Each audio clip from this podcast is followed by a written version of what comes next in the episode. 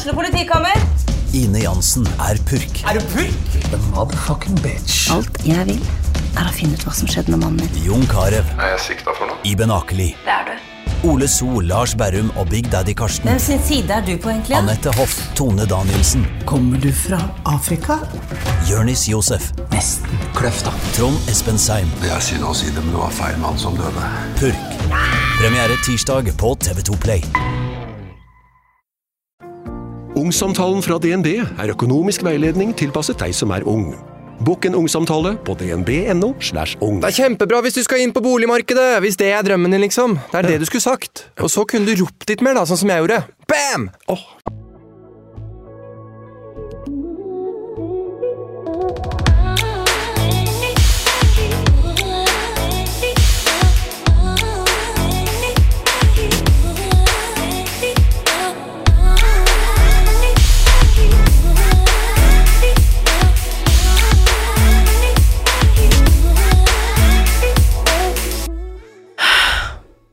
Jeg skal innrømme at um, jeg er ganske spent og nervøs uh, for dagens episode.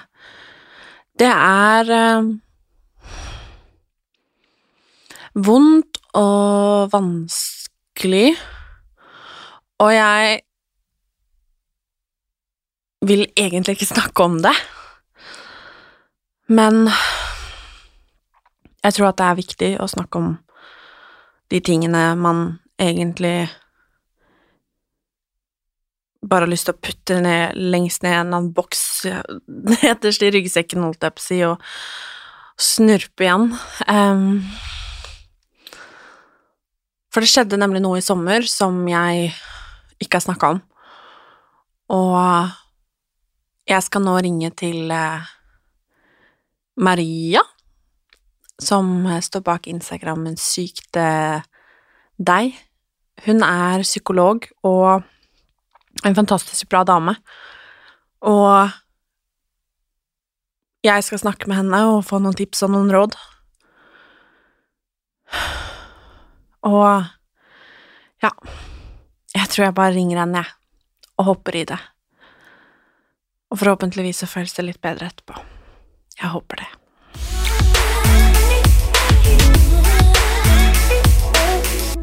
Dette er veldig nytt eh, for meg, Maria, og jeg er eh, veldig spent.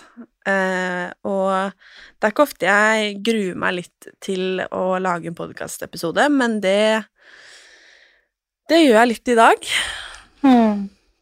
Og jeg er veldig glad for at eh, du hadde lyst til å være med og snakke sammen med meg. Jeg er veldig glad for at jeg får lov til å bli bedre kjent med det. Takk, og i eh, like måte.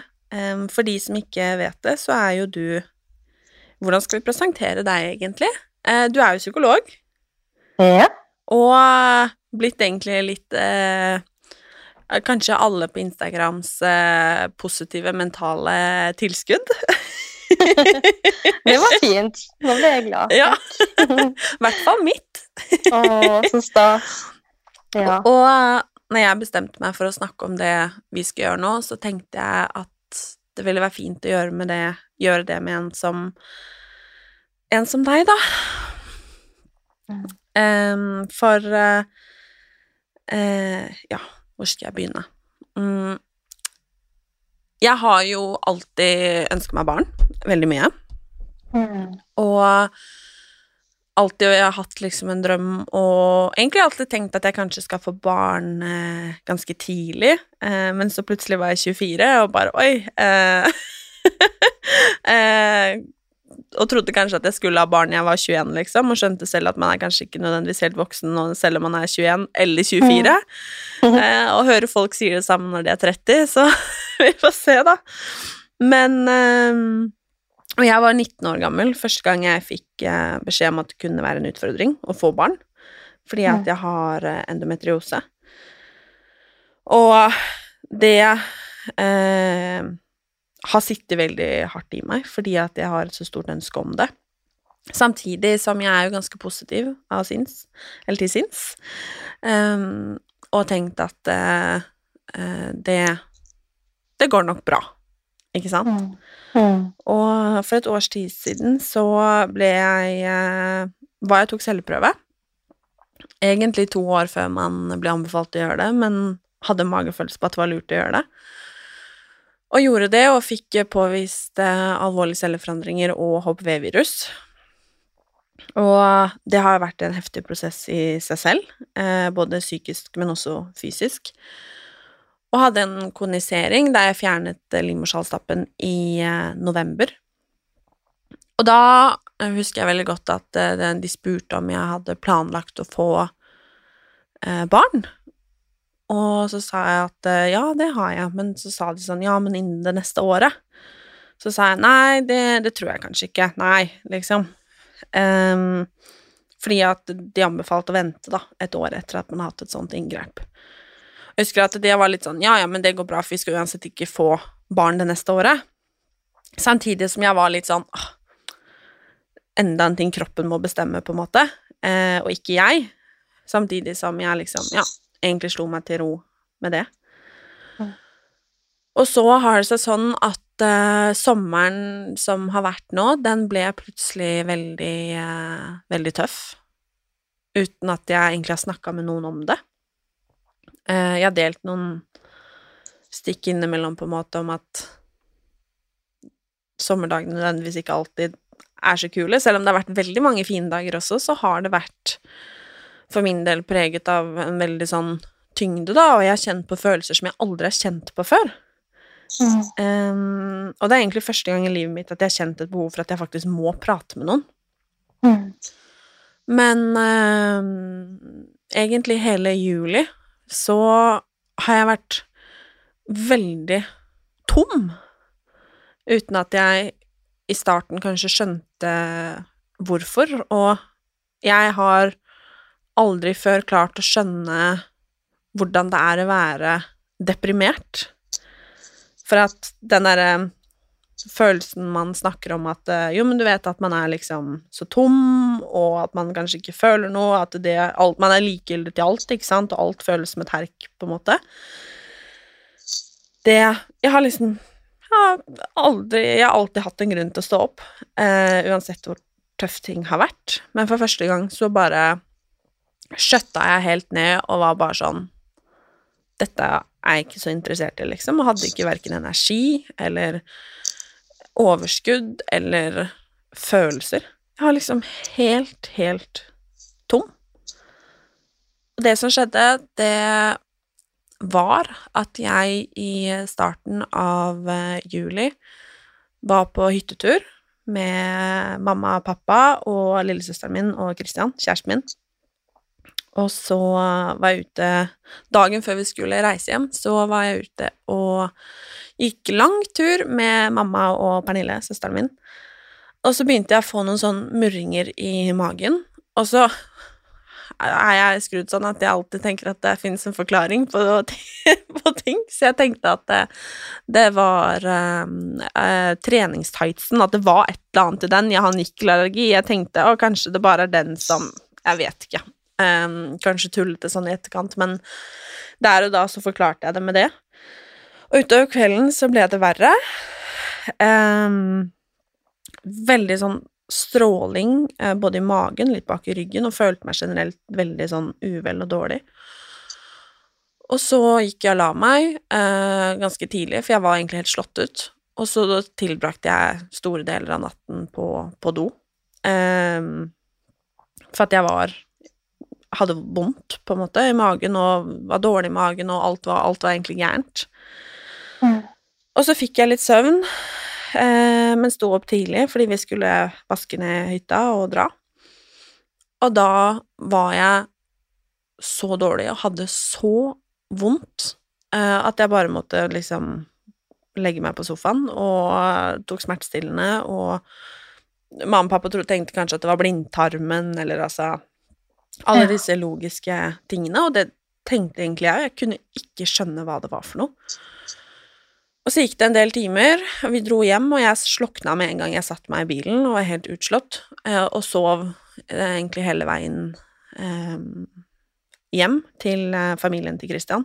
Vi skulle på Starenfestivalen. Og dro ikke da den dagen, for at jeg var ikke Jeg var ikke i slag, liksom. Og dagen etter så var det fortsatt litt murringer, og gikk konstant og trodde at jeg skulle få mensen. Em, og så skjøtta jeg bare helt ned. Uh, mentalt. Um, en sånn For meg så føles det nesten en sånn utenomjordisk reaksjon.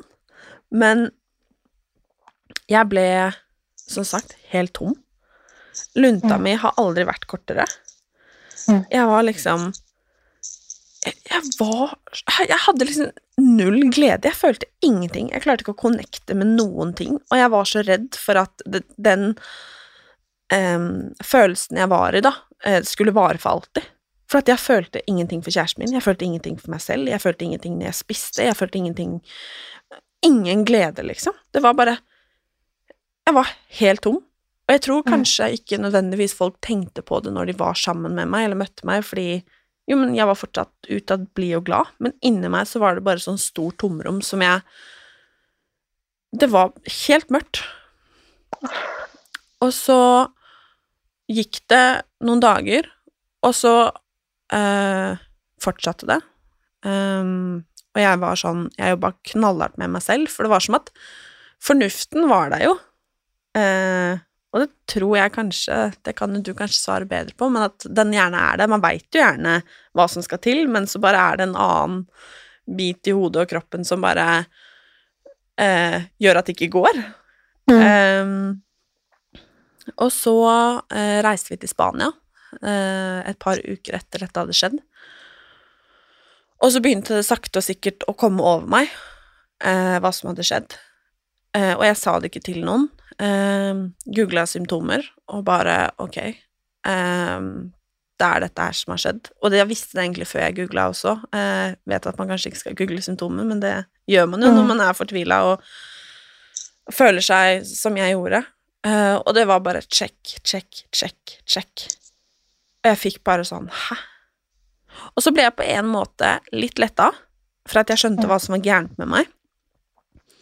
Og så blei det egentlig en litt sånn ny minisorg. Og jeg har Jeg tror at kroppen min gikk i en sånn automatisk sorgprosess uten at jeg skjønte det selv, for jeg var litt mer oppe og nikka igjen. Um, og har jo eh, vært hos lege og sånn i etterkant. Um, og det viste seg at uh, jeg har vært uh, gravid i sommer. Mm. Ehm, og at eh, det ikke gikk så bra. Mm. Um, at jeg rett og slett hadde en eh, eh, tidlig spontanabort. Mm. Um, og jeg har snakka med noen om det, eh, sånn som legen og sånn, som for så vidt var fantastisk og veldig positiv, og sa men Martine, da veit du i hvert fall at du kan bli gravid. Ja. og det er jo en seier i seg selv. Mm. Um, men uh, alle, alle har liksom vært sånn Ja, det hadde vært verre om du visste det, og det hadde det helt sikkert. Eh, og det var Christian sin uh, første reaksjon også, at eh, eh, Eller han var først glad for at det funka, på en måte. Mm. Eh, og så var han der at ok, men eh, dette går bra, eh, og at dette med at vi ikke visste det. Og så har jeg eh, også klart å tenke på alle de gangene i løpet av sommeren der jeg antageligvis har vært gravid, uten at jeg har visst om det selv. Ja. Og det tror jeg kanskje har vært egentlig den største sorgen.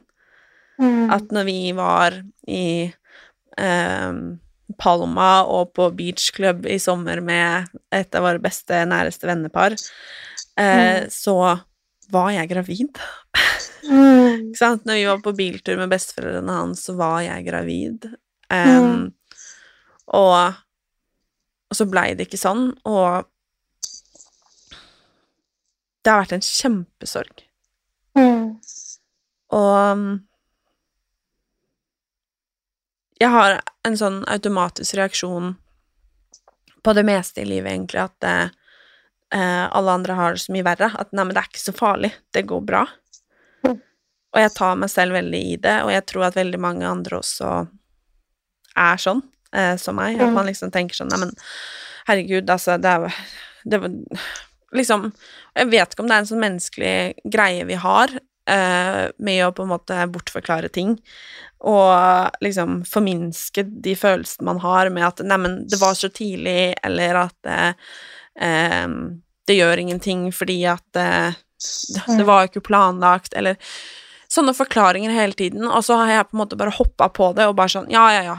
Ja, ja, selvfølgelig. Funnet unnskyldninger, unnskyldninger, unnskyldninger. Og så har kroppen min vært i kjempesorg, og Mm. den mentale helsen min har vært helt gåen, og det er først nå, egentlig ja, en måned, ja, fem uker senere, at jeg begynner å liksom være oppe og nikke igjen. Ja. Og jeg tror egentlig at jeg har vært deprimert for første gang uten at jeg har skjønt hva det har vært før nå. Mm. Mm. Ja, det er en sterk historie. Ja, og så er jeg så teit at jeg tenker automatisk at nei, er det det, da? Men det er det, og det er det jo for, for alle som blir ramma av akkurat det du opplever. Og det er jo det du beskriver av eh, depressive symptomer, er jo en helt vanlig reaksjon på, på um, spontanabort. Um, det rammes nesten alle kvinner av når de opplever en spontanabort. Og det er jo både pga. det biologiske eh, som skjer i kroppen, av at det er en veldig sånn stor dropp av hormoner som plutselig faller. Eh, og det gjør at man blir eh, veldig trøtt og sliten og kjenner seg sånn tom, sånn som du, du beskriver. Og så er det òg dette her psykologiske som du som du òg forklarer så godt, at man på en måte begynner å se for seg hvordan det hadde vært, og om det gikk bra, ikke sant, og eh, tenk at jeg var gravid da, ikke sant, og man eh, Og så har du òg liksom sett for deg den situasjonen hele livet, at du du skulle bli tidlig mor, altså. Så er det på en måte et bilde da, som, som man henger, henger, høyt og ser fram til, og så, og så plutselig så knuser det. Det. Så det er på en måte både en fysisk sorg og, og en psykologisk sorg som skjer samtidig. Mm. Og det, det, er faktisk sånn at eh, så mye som nesten én av ti kvinner eh, opplever å gå inn i det som heter en alvorlig depresjon. Eh, man skiller liksom fra mild til moderat til alvor, alvorlig depresjon. Men én av ti kvinner opplever en alvorlig depresjon da, etter en spontanabort. Eh, fordi det er jo en vanvittig stor fysisk og psykisk påkjenning. Mm.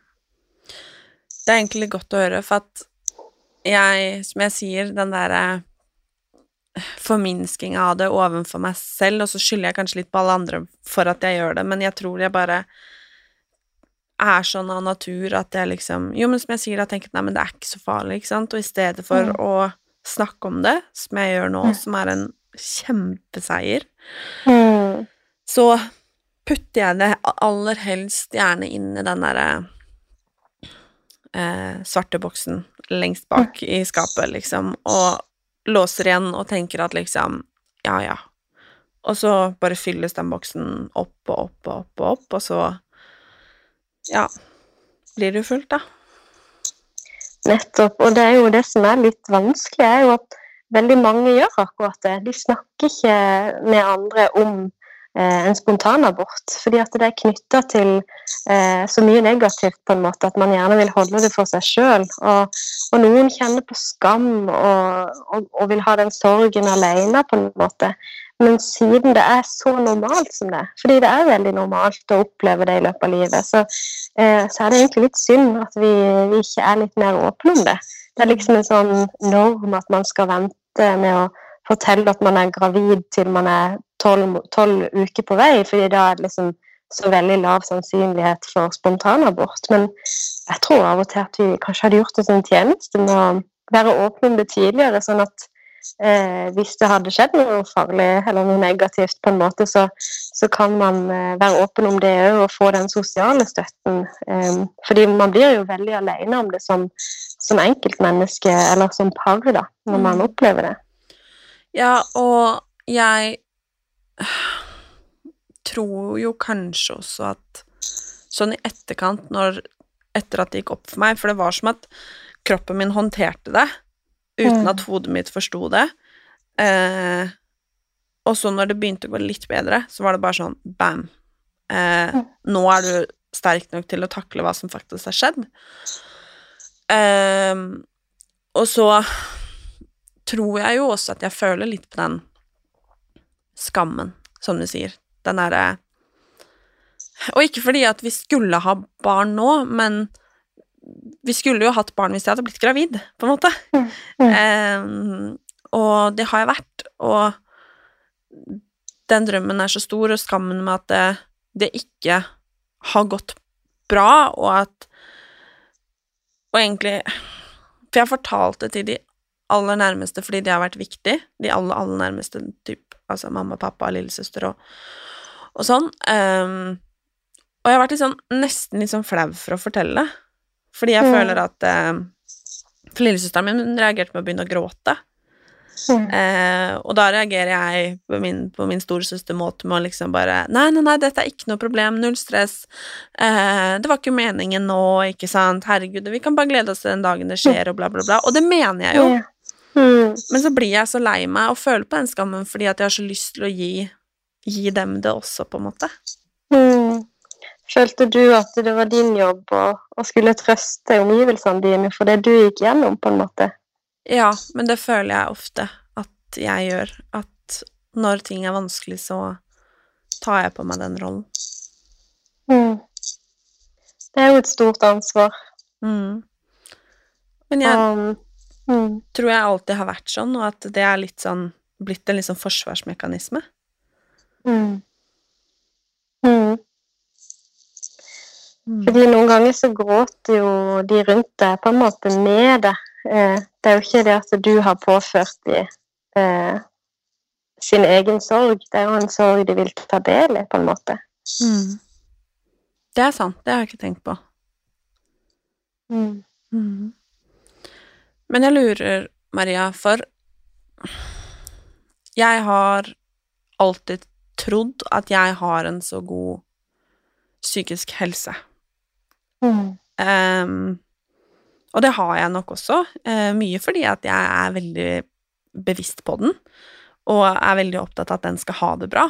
Uh, spesielt liksom de seneste åra så har jeg liksom vært veldig sånn Jeg prøver å ta gode valg for min mentale og altså psykiske helse, Mm. uten at det alltid går veien. Men Og da syns jeg også det er så interessant at når noe sånt skjer så uventa, og man Mann og jeg har jo opplevd andre uventa og tøffe ting i livet også, men hvordan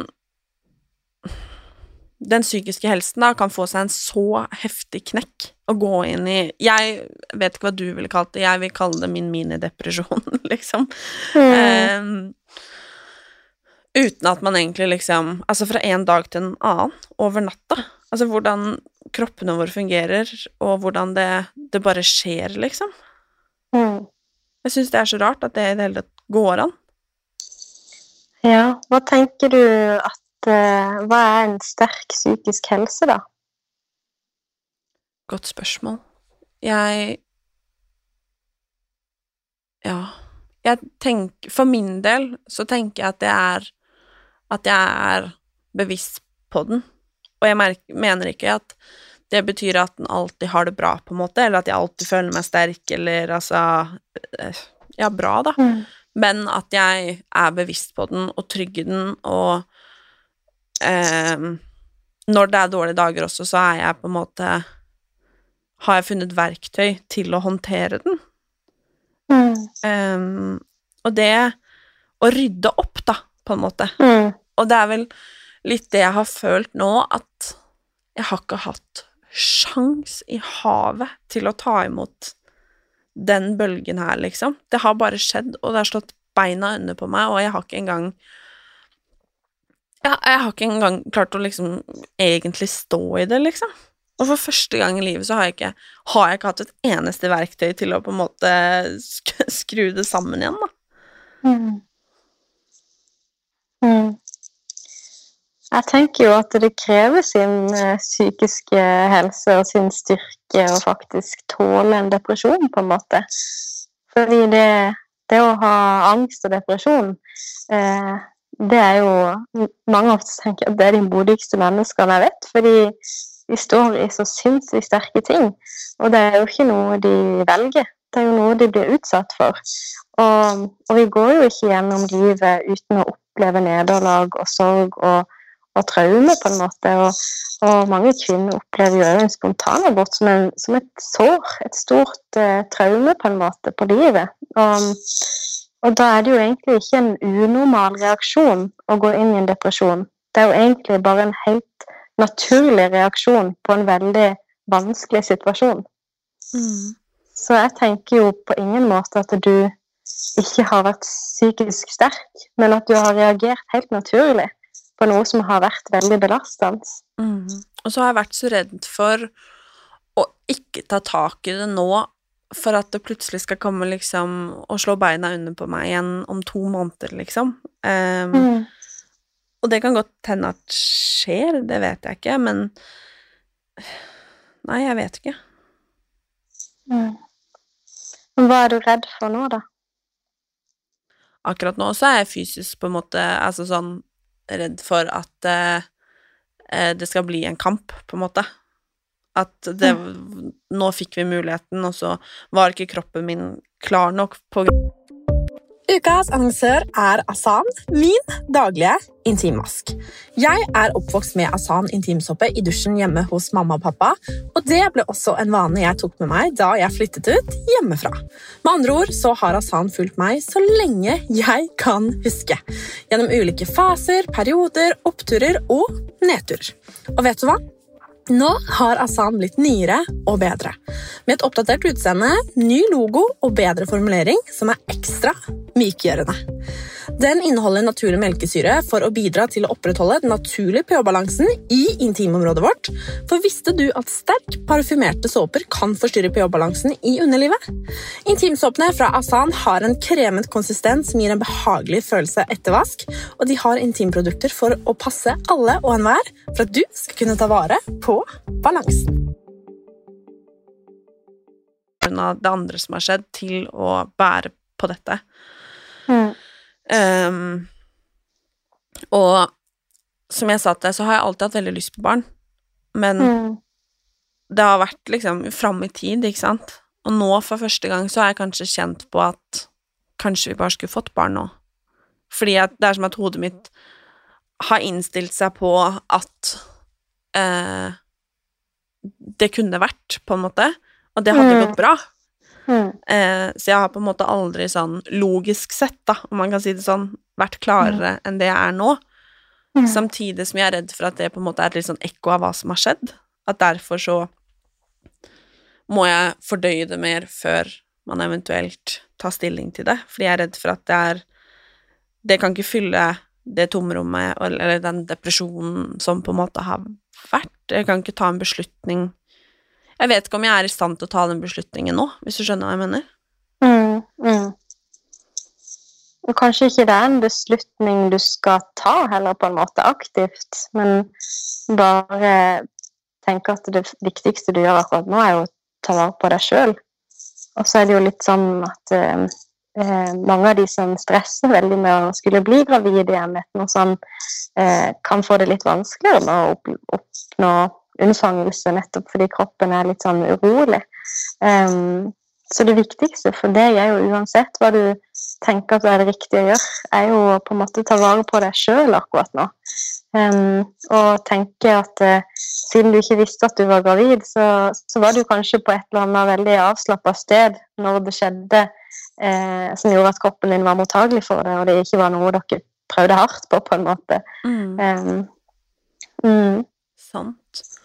Men jeg lurer også på disse kalde verktøyene som jeg følte at jeg mangla når, når dette inntraff. Mm. Um, for det er sånn Jeg kan egentlig le av det her jeg sitter nå, fordi at eh, der og da så var jeg så fy fader hjelpeløs. Jeg har aldri vært så hjelpeløs i hele mitt liv, jeg.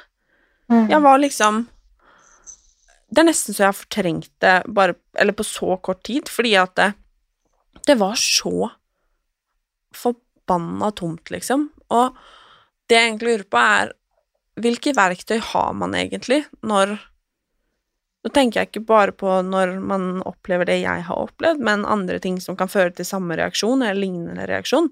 Hvilke verktøy har man egentlig for å på en måte komme seg derfra? Fordi jeg igjen har aldri følt meg så hjelpeløs og lost i mitt eget hode som, og min egen kropp som mm. når dette skjedde. Jeg tror at noe av det viktigste vi kan gjøre for oss sjøl, er å prøve å ikke dømme reaksjonen som kroppen har, på en måte.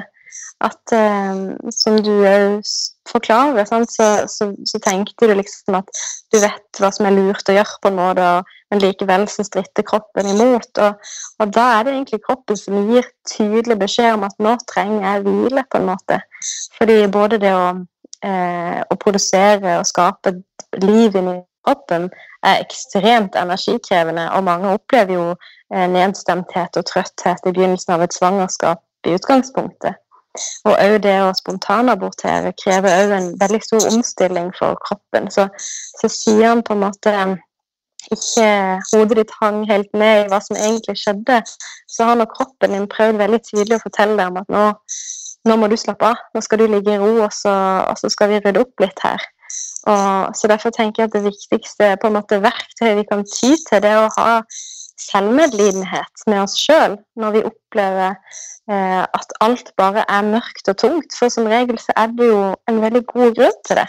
Mm. Eh, og så er det ikke sånn at, eh, at, det ikke går over, for det gjør det jo. Men, men, det føles jo veldig ofte sånn, og så er det veldig naturlig at man blir redd for det.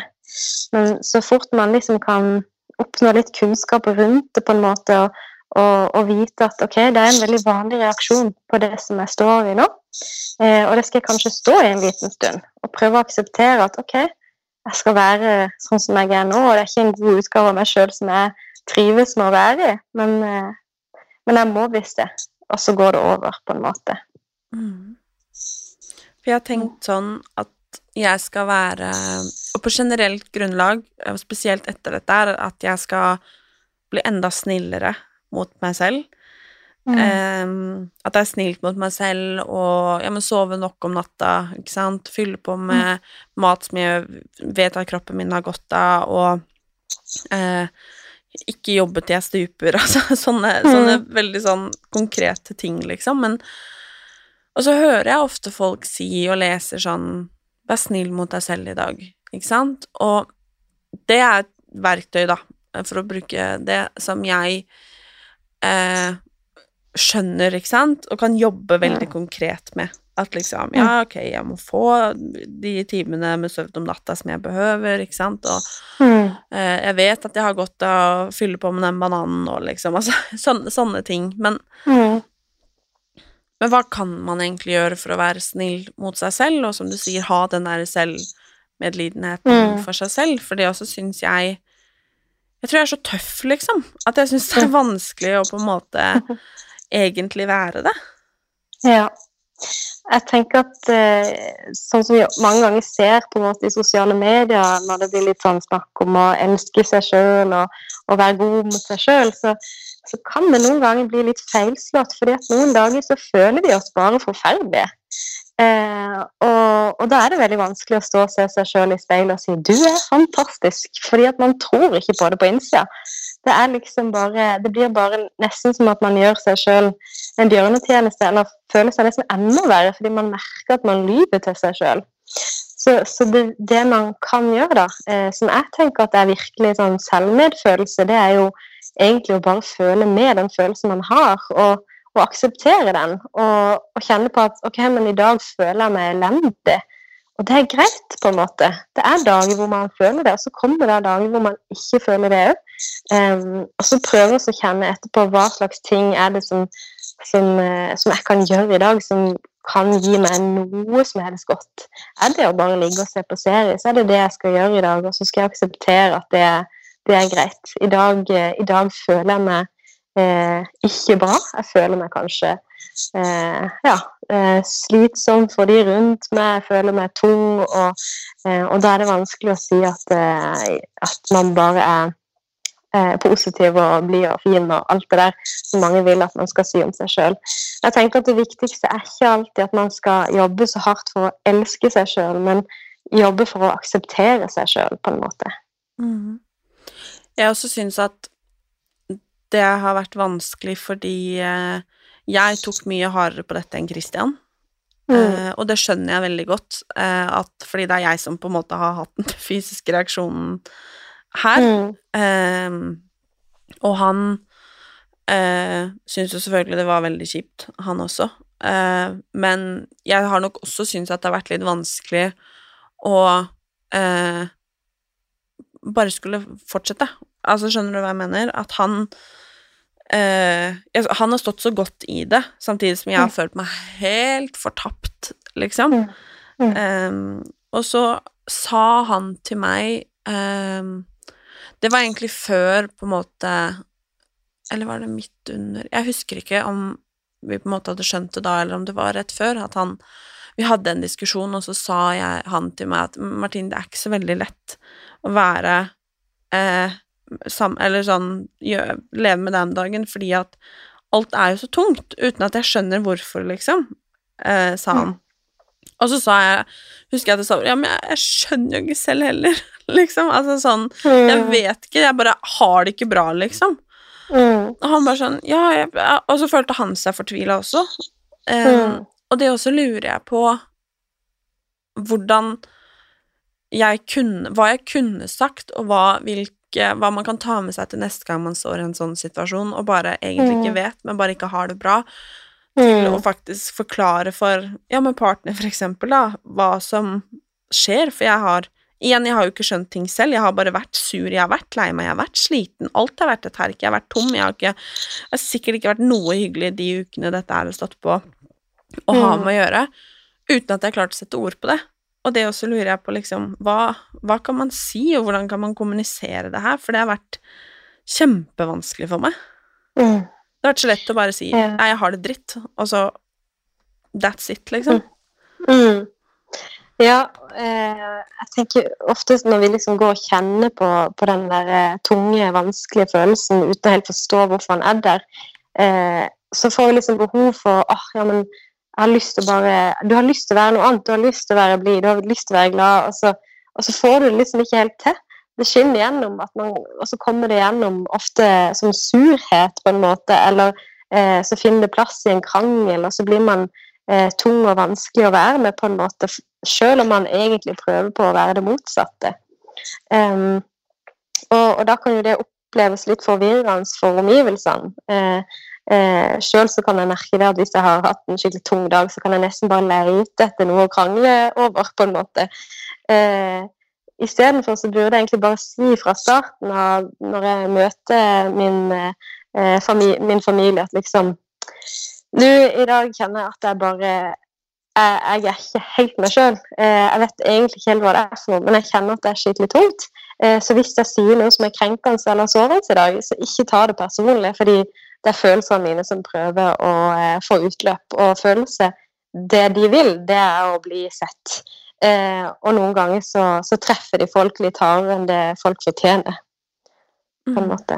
For jeg har også følt, i og med at dette varte en del uker, og så var jeg veldig tom og sliten før dette her også, fordi det var så mye jobb og liksom Egentlig hele sommeren, liksom. At jeg liksom Mm. følt veldig på den der Ja, men det er alltid noe. Ikke sant? Mm. At jeg har følt meg som liksom Nei, men ah, det er alltid et eller annet meg. Nei, men det er aldri bra, eller det er aldri liksom At det nesten har blitt litt sånn skam å skulle si det, og at det er sånn Nei, det er like greit å bare ikke si noe, fordi jeg vil jo oppleves på en viss måte. Mm. Selv om jeg kanskje ikke har følt det sånn, eller at ah, det er så mye greier hele tiden, så det er liksom Jeg får bare stå Mm. i det selv, på en måte. Jeg tenker at på en måte Det er jo alltid noe i livet. For det første så er det alltid et eller annet For livet er jo en berg-og-dal-bane. Eh, og så er det litt sånn ekstra for oss kvinner, fordi vi har en syklus Så vi har mye større hormonendringer og eh, ting som påvirker følelseslivet vårt, enn det menn har. Så hvis du er sammen med en mann, så vil du jo oppleve ofte at eh, kanskje du, du har flere, flere ting på en måte som eh, blir vanskelig i livet eh, enn det de har. Det, det skjer ofte i, i et par.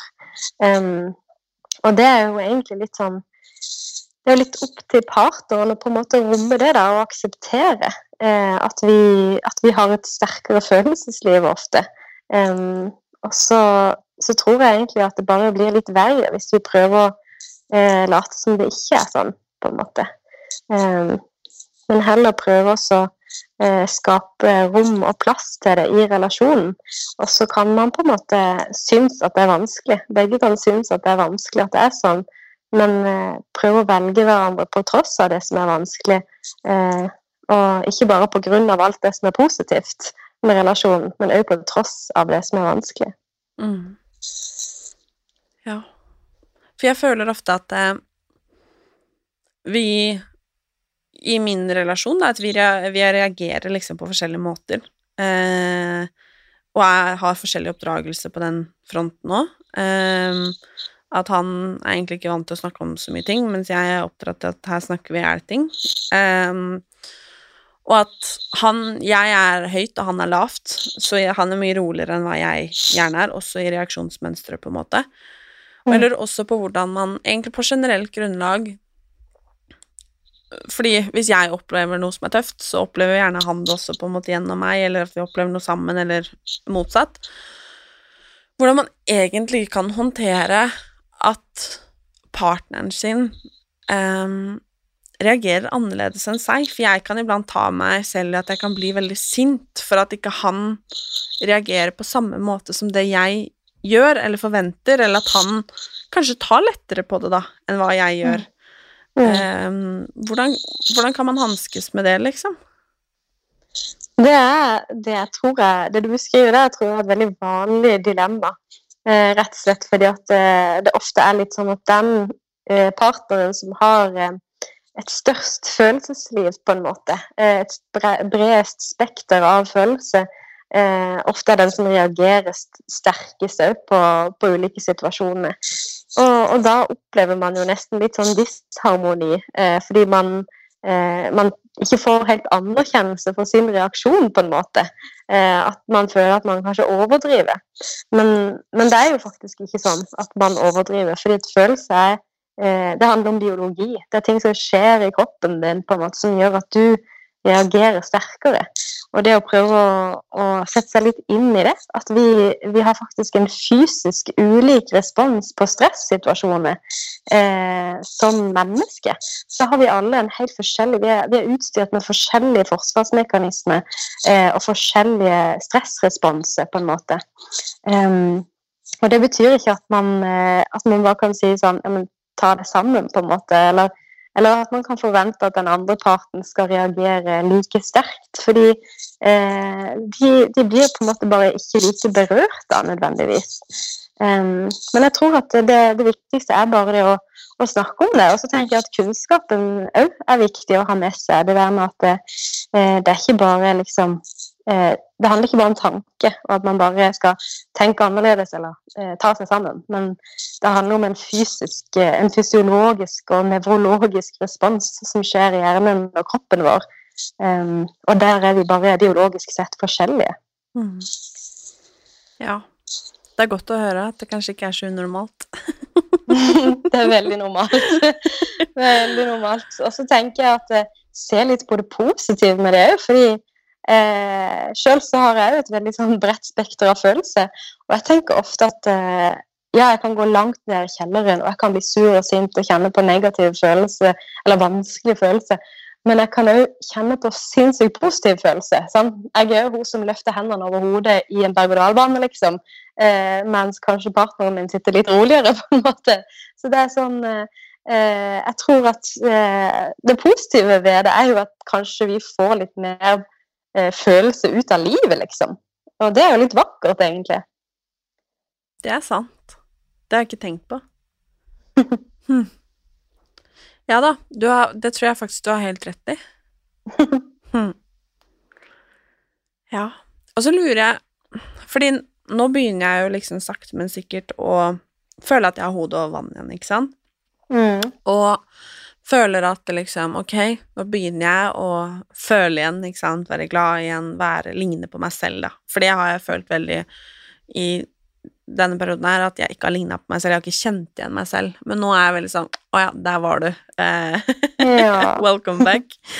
Eh, samtidig som jeg er litt sånn Jeg har håndtert det veldig Jeg har selvfølgelig snakka med de rundt meg nærmeste, men håndtert det veldig sånn selv med å på en måte Ok, dette skal jeg gjøre for at jeg skal få det bra. Og det har jeg veldig stor tro på, fordi jeg tror ikke at man nødvendigvis kan lene seg på noen andre for å få det bra. Jeg tror man må ta saken i egne hender. Mm. Og samtidig så sliter jeg litt med den derre at jeg nå har hatt noen dager der jeg ikke har tenkt på at det har vært dritt også. Og så er jeg litt sånn Ok, men er jeg bare ferdig med det nå? Da er jeg ferdig med å ha det vanskelig nå, litt sånn eh, Er jeg ferdig, eller tror jeg at jeg er ferdig? Er det bare fordi at jeg har det bra nå, eller er det Litt som jeg sa, da, kanskje det kommer en reaksjon om to måneder, og så går jeg er litt sånn redd for det at ok, nå går det bra, så når kommer det noe dårlig? Mm. Jeg tenker, vi, vi kan jo ikke kontrollere følelsene våre og når de kommer, og hva slags tanker som vil dukke opp. Og om det kommer en reaksjon om to måneder, det, det kan du ikke vite. Eh, og du kan ikke på en måte planlegge livet ditt ut ifra at det kanskje kommer, på en måte.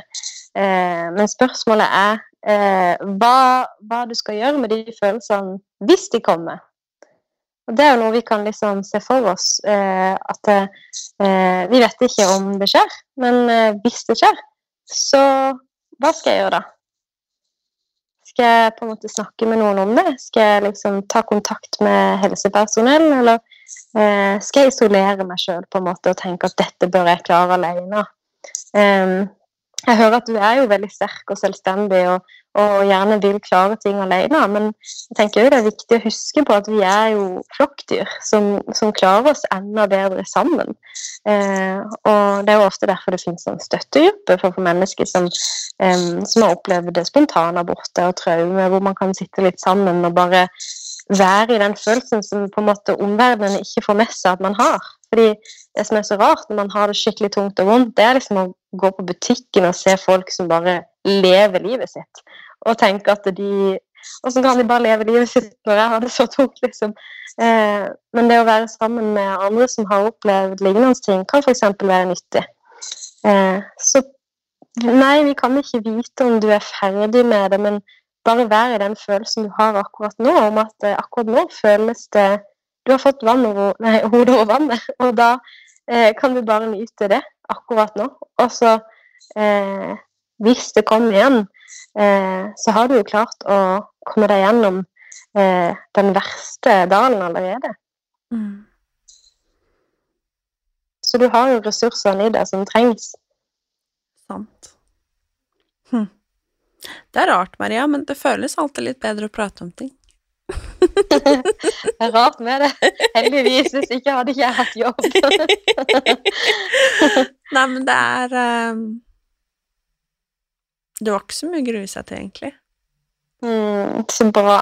Mm. Jeg syns du er veldig modig, og jeg tenker jeg vil på vegne av alle kvinner si tusen takk for at du snakker om dette. Fordi det er nettopp det som vil hjelpe veldig mange. At det blir litt mer åpenhet om det, og at det ikke skal være så tabubelagt. Så, eh, og det, det krever psykisk styrke å stå i det. Tusen takk, Maria. Det Mm. setter jeg stor pris på. og Jeg, jeg har følt meg så mye alene i ting og følelser opp igjennom, så jeg tror veldig mange har, ikke sant, når det har skjedd noe, at man føler seg ah, som den eneste i hele verden som har det sånn som dette er akkurat nå, og så skjønner man jo etter hvert som tiden går at å ja, nei, men det er ikke bare meg, men sånn som dette var en helt ny opplevelse av ensomhet i meg, fordi ehm, jeg vet om én venninne, to, som har opplevd det, Mm. eh, uten at man egentlig har snakka om det også. Og det gjorde at jeg også følte at det var veldig At jeg var veldig alene i det. Og så opplever jeg Mm. ofte da at når jeg faktisk snakker om ting, sånn som nå, Mm. at mennesker jeg ikke trodde på en måte Eller som jeg snakker med, da, plutselig sier bare Men jeg har også opplevd dette her. At det plutselig skaper en åpenhet, da, og det er derfor det er så viktig å snakke om det også, fordi til den neste som opplever det. For noen opplever dette i dag, noen opplever det i morgen, ikke sant, noen Altså, mm. det er sånn det er, at man ikke trenger å føle seg alene i det, og for min del få bekrefta at jeg ikke er klin gæren, jeg er bare menneske. Mm. Mm. Det er du. Helt normal. Helt normal. Mm. Det er uh, Det er rart å være det, tydeligvis. det er tungt å være normal. ja. det er tungt, det er vanskelig å være menneske. Er det én ting som er helt garantert, så er det at livet, det er vanskelig. Mm. Ja. Det er ikke for bysser. mm.